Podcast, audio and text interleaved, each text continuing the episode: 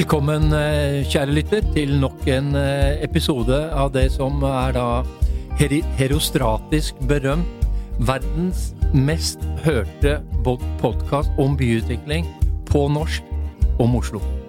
Spilt inn på Eh, Tullin. Spilt inn på Tullin. Eh, Maren, eh, det er litt sånn merkelige baktepper for tiden. Det er polikrise i verden. Det virker jo litt som om eh, verden er i ferd med å rakne og, gå helt under. Men vi kan vel egentlig bare fortsette som før. Vi må jo prøve det. Ha litt eh, normal nerding innimellom eh, alt det man skal forholde seg til på nyhetene. og Og hva er det vi skal nøle om i dag? Det vi skal nøle om i dag, er eh, politikk som utgangspunkt. Eh, fordi eh, Oslo får jo da politisk skifte etter åtte rød-grønne år. Eh, og det betyr jo at noen skal ut, og noen skal inn. Eh, og vi lurer jo på vil det endre byen, byutviklingen, og hvordan? Eh, og vi skal i dag få refleksjoner fra en av de som takker for seg eh, etter en lang periode som en tydelig frontfigur for byen vår. Så da kan du få avsløre hvem dette er. Ja, eh, men tror du alle har klart da å gjette seg til hvem det er? Men jeg blir litt sånn engstelig. Det det var en eh, meningsmåling her, så var det sånn På valgdagen så var det da 30, 30 eh, av velgerne som ikke visste hvem statsministeren i Norge er. Så vi skal ikke ha så høye forhåpninger. Så derfor vil jeg introdusere fremdeles ordfører Marianne Borgen. Tusen takk. Du er da en av de som skal forlate politikken, men jeg tenkte eh, etter at vi fikk byparlamentarisme i 1986, så ser man jo veldig ofte på ordføreren som en sånn symbolsk figur. liksom Du, du klipper bånd, du åpner skoler, tar imot utenlandske delegasjoner, men samtidig så er jo den rollen ganske fri. Så jeg tenkte da å gi deg en, et spørsmål som du kan tygge litt på. På hvilken måte har du de siste åtte årene formet ordførerrollen i ditt bilde? Oi, det var et eh, litt sånn krevende spørsmål. Men jeg tror i hvert fall det er viktig å si at ordføreren i Oslo skal på den ene siden være en samlende figur for hele byen. Altså Byen skal kjenne på at de har en ordfører, uansett si, om de har stemt på den eh, personens parti eller ikke. Så det er nok en sånn eh, Det har jeg tenkt mye på, at jeg skal prøve å være litt omfavnende. I tillegg til det så er jo en ordfører en innvalgt folkevalgt, en politiker. Kommer fra et parti, har tydelige politiske meninger. Sånn at når jeg har eh, når jeg eh, i disse åtte årene har vært rundt og snakket med folk, så handler det om også et sånn grunnleggende verdisyn som jeg har tatt med meg i alt det jeg har gjort. Det handler om, særlig om eh, barn og unges rettigheter, som jeg har jobba med hele mitt liv. Det handler om respekten for både menneskerettigheter, menneskeverd, sånne typer spørsmål som jeg har hatt liksom, i ryggmargen i hele mitt voksne liv. Um, og jeg har også hatt uh, tydelig liksom, kampen mot atomvåpen oppe. Jeg har liksom de deltatt på en hel haug med arrangementer knyttet til ikke minst uh, um, ja, uh, det som handler om respekt for menneskerettigheter og menneskeverdet. Og det er noen sånne valg du gjør som, som ordfører, for du blir invitert til veldig mye. Og du inviterer deg selv til veldig mye. Så jeg tror du kan, du kan forme den rollen inn i en, et, ja, et spor da, som, eh, som gjør at du kan også drive politikk i den rollen. Men du skal jo ikke drive sånn direkte agiterende eh, partipolitikk. For det vil jo kanskje virke eh, noe sånn ja, virke akkurat så samlende som man ønsker å være. Men, men eh, nå kan du jo være ærlig, i og med at du eh, jeg er snakker- ærlig hele tiden. Men, også, men, eh, sånn, men i, i hvilken grad er du helt da frikobla de politiske prosessene? Altså, når det foregår noe da eh, intense forhandlinger på bakrommet, er det da sånn tilfeldig slik at du stikker innom og hvisker noen i øret? Ja, fordi eh, i hvert fall sånn som jeg, da, som har tilhørt en gruppe eh, som ikke har vært så veldig stor. Ikke sant? Vi har vært eh, seks representanter i bystyret den siste, de siste fire årene, og før det var vi bare tre. Fra, fra 2015 til 2019. Og da er det klart at da deltar du i de politiske forhandlingene eh, som partiet ditt har. Både knyttet til spørsmål som byrådet diskuterer, men også selvfølgelig bystyret. Så jeg har vært et aktivt bystyremedlem, og jeg har vært med også i et utvalg. Jeg har sittet i helse- og sosialutvalget også hele den siste perioden, og den første perioden jeg var ordfører, satt jeg også i kultur- og utdanningsutvalget. Så man deltar i politiske prosesser hele tiden. Eh, Men jeg har ikke vært så på en måte ekstrovert da, når det gjelder en del av de politiske eh, diskusjonene som vi har hatt. Har Men du har vært veldig aktiv på bakrommet. Ja, det vil jeg si. Fint. Da tenkte jeg, altså, du, du skal være en samlende figur. Du er litt sånn eh, dronningen i Oslo. Eller sånn som kongen og dronningen skal reise rundt og være samlende figur. Men én, eh, du er SO-politiker, født og oppvokst eh, Veitvet, eh, Groruddalen. Er det sånn eh, du kommer til vestkanten, og så er det da Ja, dette er mine folk, på samme måte som når du da kommer hjem til Groruddalen? Jeg husker veldig, jeg husker når jeg ble ordfører etter at Fabian Stang hadde vært ordfører i åtte år. Og jeg ble jo kastet litt inn i det. det ikke, hadde ikke hatt en lang planleggingshorisont på det å bli ordfører. Jeg, det visste jeg bare et par dager i forveien. Eh, sånn at jeg husker at jeg, jeg grudde meg litt første gangen jeg ble invitert til et arrangement på beste vestkant i byen. Jeg tenkte at når jeg kom dit, så tenkte jeg her er det sikkert ingen i denne forsamlingen som har stemt på SV eller stemt på meg. Så jeg tenkte at da får jeg i hvert fall prøve å gjøre det beste ut av det. øh, Og fremstå som en, en hyggelig dame med et øh, tydelig budskap. Jo, men det er noe med det. Og da husker jeg veldig godt, og da hadde jeg ikke vært ordfører så mange ukene, da kom det en flott, øh, litt eldre herremann bort til meg etterpå. Etter at jeg hadde holdt et lite øh, foredrag. Og så sa han i en veldig fin måte sa han når det gikk så galt som det gikk ved valget Dette var da 2015, og og vi mistet Fabian.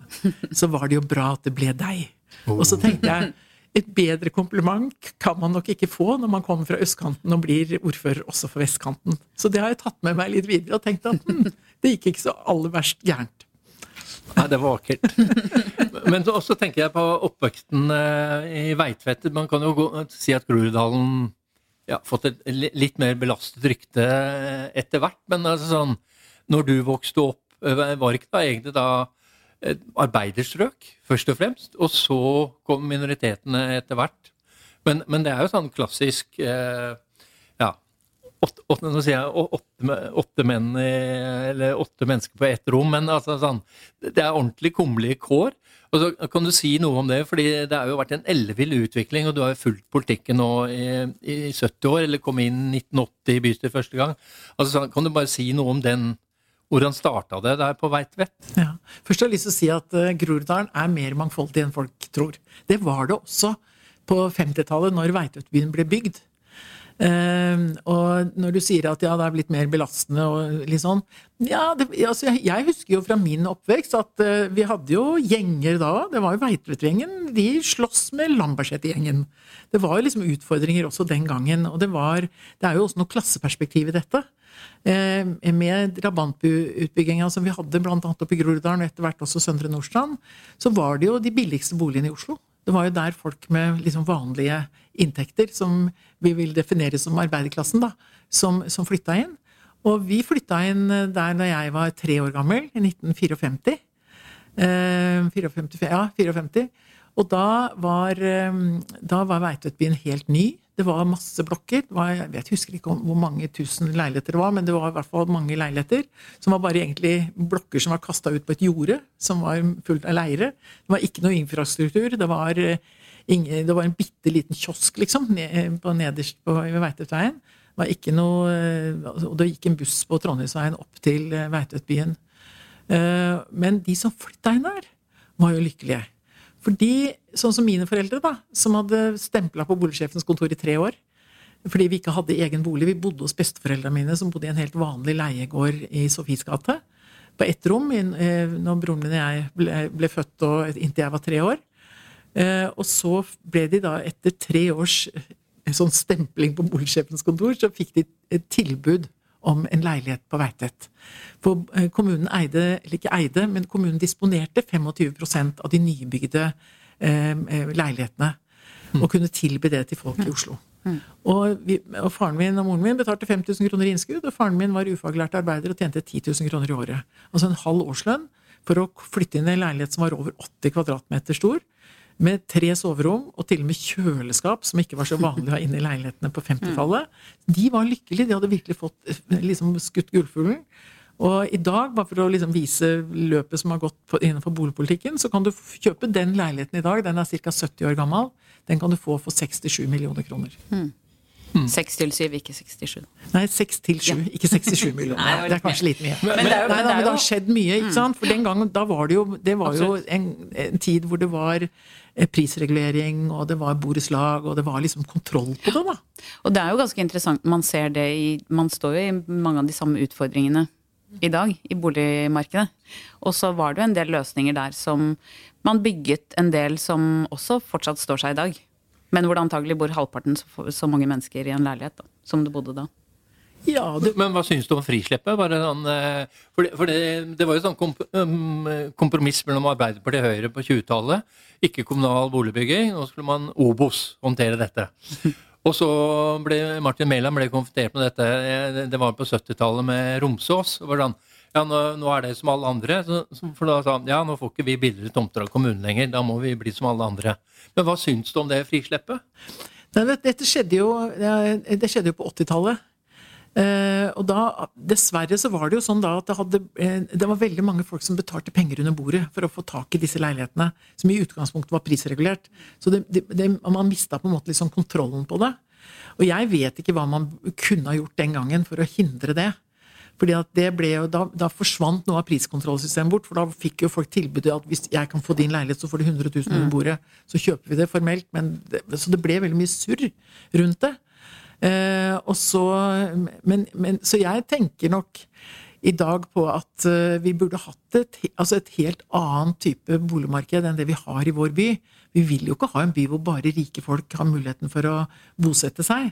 Og vi vet jo at boligmarkedet i dag er jo den største forskjellsmaskinen vi har i vår by. Det er jo sånn at hvis du, husker når jeg var ung, så husker jeg vi sa sånn at hvis du hadde en barnløs tante som bodde på Majorstuen, så kunne du leve, og arvet hennes leilighet, så kunne du leve lykkelig resten av ditt liv. Og det er virkelig sånn som er i dag òg, kanskje enda mer. For hvis du arv, ikke sant? I dag er det jo mye arv som suser og går inn i dette. Og de som da ikke har noe arv i sikte, og ikke har foreldre eller besteforeldre som kan hjelpe seg altså? Nå er det jo under 1 av av leilighetene som er til salgs i Oslo, som en ferdig utdanna sykepleier i full jobb har mulighet for å kjøpe. Det er blitt helt ille, og dette har blitt verre og verre for hvert eneste år. Så, og det skyldes nok også litt at vi som er politikere, eh, da snakker jeg om politikerstanden, eh, i for liten grad har vært opptatt av boligpolitikk i det i mange, mange år. Og har kanskje forsømt seg helt og latt det være liksom helt At man, har- noen har trodd at markedet skulle styre dette.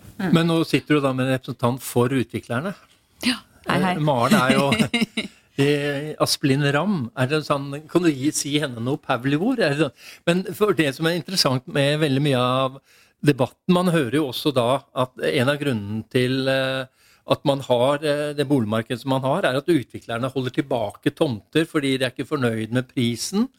Og, og da tenker jeg, da, da blir jeg litt land, eh, lei jeg sånn, meg. I, I wish. Jeg skulle ønske Fordi- jeg hadde noen tomter jeg kunne Fordi, eh, begynne med. de vil jo ha tomtene ut på markedet, for det er da de tjener penger. Eh, men hva, hva tenker du eh, Raymond har jo gått ut med dette med en tredje boligsektor. Ja. Ja, dette er jo noe eh, vi Men foreløpig er det jo er det 30 leiligheter, eller Jo, jo, altså men, men det er i hvert fall en, vi har i hvert fall begynt å tenke annerledes. Man har begynt å begynne å tenke at vi er nødt for å gjøre Mm. noe med dette.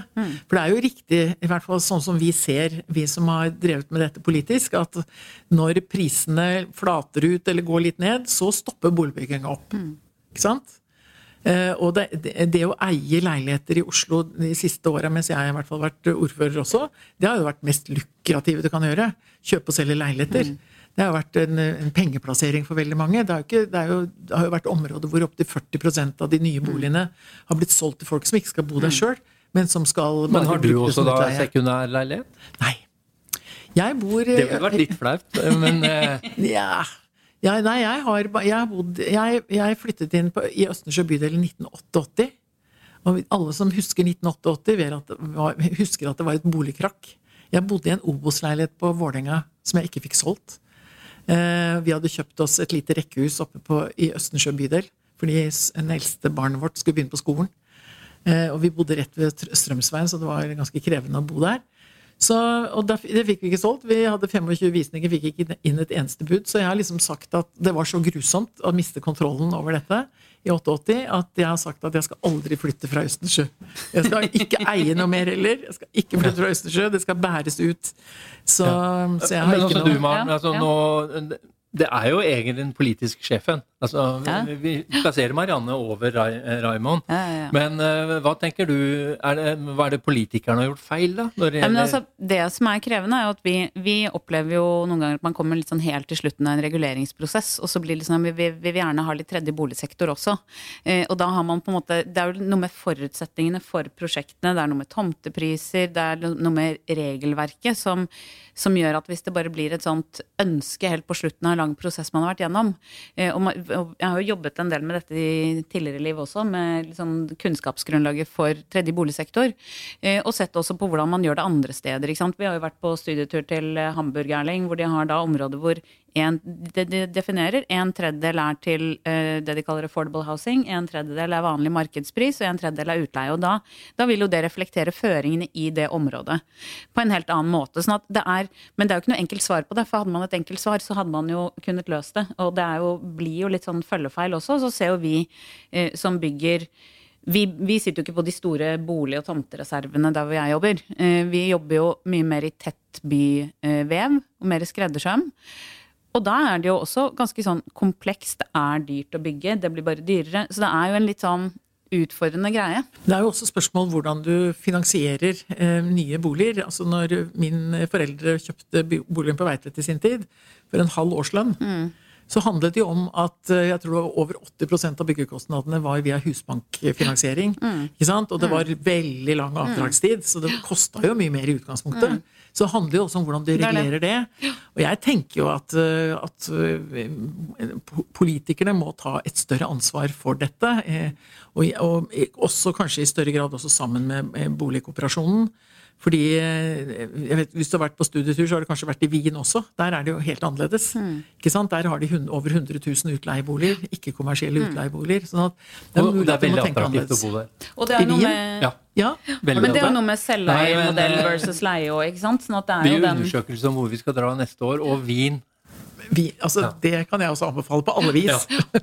Nei, ikke sant? Og det er jo noe med den Og så ligger det jo noe i den uh, dialog, samarbeid, offentlig-privat. Uh, offentlig har ikke mye tomter. Det er, det er liksom en sånn Det ble eh, solgt unna veldig greie. mange tomter før det rød-grønne flertallet kom, så vi har ikke så mange tomter igjen. Og så, jeg, jeg kjenner også på at jeg reagerer litt på når, når boligkooperasjonen, sånn som Obos, da, som eh, bygger leiligheter til ja, 20-30-40 millioner kroner. Altså, det er ikke en sånn boligkooperasjon jeg ønsker meg. Jeg ønsker meg en boligkooperasjon som bygger for vanlige folk. Ok, den adresserer vi til Daniel Serai. Ja. Hører du, Daniel? Eh, Tenk litt på det. men, men også, jeg har én kjepphest. Men, men også Har du men bare én? Du har flere. Jeg har flere, men eh, til Marianne. Og det er at eh, drabantbyene er et gigantisk mislykket sosialt eksperiment. Fordi som du sier, så er det da at man flytter ut på et jorde, ikke noe infrastruktur, eh, ingen møteplasser. Sånn er det ikke nå. Nei, Nei. men det var det. Var det jeg, jeg er jo Ja. fra Bogerud. Ja. Men det er jo mer rekkefølgen på hvordan man har gjort det. fordi sånn som Hvis man da skulle utviklet det området i dag, da, så skulle man hatt en områderegulering. Så hadde det tatt 10-15 år, og så skulle man hatt infrastrukturen på plass. Og så kanskje kunne man begynne med å bygge boligene. Men kan du bare være litt enig med det? At den, øh, nå har jo blitt åpenbart folk av deg, men at, eh, at drabantbyene er sånn, Hadde vi visst det vi vet nå, så ville vi ikke bygge drabantbyene. Da ville vi bare fortsette å utvikle den tette byen. Ja. Altså jeg er litt usikker på hva du mener da med å utvikle den tette byen. fordi eh, ettersom eh, si, drabantbyene vokser, så ble- er jo det blitt også en del av den tette byen. Altså Når nå nye Løren f.eks. bygges, som jo nå også definerer seg som en del av Groruddalen, det syns jeg er litt rart, da, for det er liksom litt langt unna det jeg Ja, tenkte det som var Groruddalen. Nei, men det er noen som mener det. Ja. Ulven og Løren og sånn. Men, men det, det, det vokser seg jo tettere hele veien her nå. Ikke Ja, før eller senere så kommer den ja, for husk på, eh, Oslo i dag er jo dobbelt så svær når det gjelder innbyggere som når jeg vokste opp. Men så er det jo altså Jeg ser jo på drabantbyen som egentlig litt sånn forløperen til nærhetsbyen. Fordi man bygget jo eh, Men det er jo ingen arbeidsplasser der, så det er jo Nei, ikke men du, start, du startet Du bygde jo eh, rundt knutepunktene. Som var tidlig tanke rundt bærekraft. Ja, og det skal du vi gjøre nå. ta, du kunne ta T-banen dit. Og så hadde du eh, Du hadde gjerne et nærsenter eller en butikk eller basic, og så hadde du boliger. Og det var jo en måte å bygge boliger der hvor man lett kunne komme seg inn til sentrum. Og så tenker man litt annerledes rundt det i dag, men da har jo disse områdene, altså sånn som Østensjø med Østensjø havn, f.eks., det stedet som nå er blitt et sånn skikkelig nabolagssted, at det er jo ikke for sent. Man bare har litt andre måter å jobbe med byutvikling på. Og så var det jo litt annerledes. ikke sant? Når vi snakker om 50-tallet, da, forrige årtusen, når jeg forteller om min oppvekst, og, så, så, var jo dette etterkrigstida. Man trengte boliger, og man trengte boliger fort. Ikke sant? Ja. Og selv om det ikke var så stor minoritetsbefolkning som det er nå i de områdene, så, så var det jo folk fra hele landet Altså Både i den blokka som jeg mm. vokste opp i, B-veien 12, så var det jo folk fra både hele, altså hele østlandsområdet, men også fra mange fra Nord-Norge, eh, og sånn som bodde der, som hadde kommet ned til byen etter krigen for å mm. skaffe seg jobb å få, få, en bolig. Og så hadde man jo en helt annen tilnærming til urbanitet. Altså det var jo eh, Tett i byen så hadde man jo de store produksjonsvirksomhetene. ikke sant? Du hadde fellesmeieri på Grønland, og du hadde arbeidsplassene, og så bodde folk ute i drabantbyene, og så tok man T-banen inn til byen. Og det jeg husker, som jeg syns er superfint å tenke på, det er jo at ja, det var ute på et jorde, men det ble så mye dugnad det ble, var, altså Mye av nærområdet rundt da, ble bygget på dugnad i en type sånn mm. fellesskap og samholdsgreie mm. som utvikla seg, selv om vi hadde fullt av nabokjerringer som ropte ut av vinduene og sa 'ikke tråkk på gresset'. For det tok jo mange år før det vokste gress. Ok, Men jeg får da ingen, ingen av dere med på dette at uh, Drabantbyen er et mislykket sosialt eksperiment. men også, Vi må gå inn for landing, men uh, du har jobbet med barn og unge stort sett hele ditt liv. Forskjells-Oslo. Er du optimistisk eller pessimistisk når du ser uh, utviklingen fra du første gang kommer inn i bystyret i 1980? Nei, jeg er bekymra for økende forskjeller. Mm. Ikke bare i byen vår, men i hele landet. Eh, hvor de rike blir rikere, og de fattige detter av, liksom. Eh, så jeg er bekymra for det. Fordi at jeg mener det er et demokratiproblem. Fordi at når du som barn da, blir, eh, lever i en familie som er inntektsfattig over lang, lang tid, så fratas du rett og slett mulighet for å delta i det samfunnet som er rundt deg. Mm. Og du opplever utenforskap ganske tidlig i ditt liv. Og jeg tror at noe av den, den eh, ungdomsvolden som vi f.eks. ser i Sverige, som vi heldigvis ikke i så stor grad har i, i, i, Oslo. Jeg tror det handler om utenforskap, jeg tror det handler om fattigdom, jeg tror det handler om opplevelse av urettferdige forskjeller.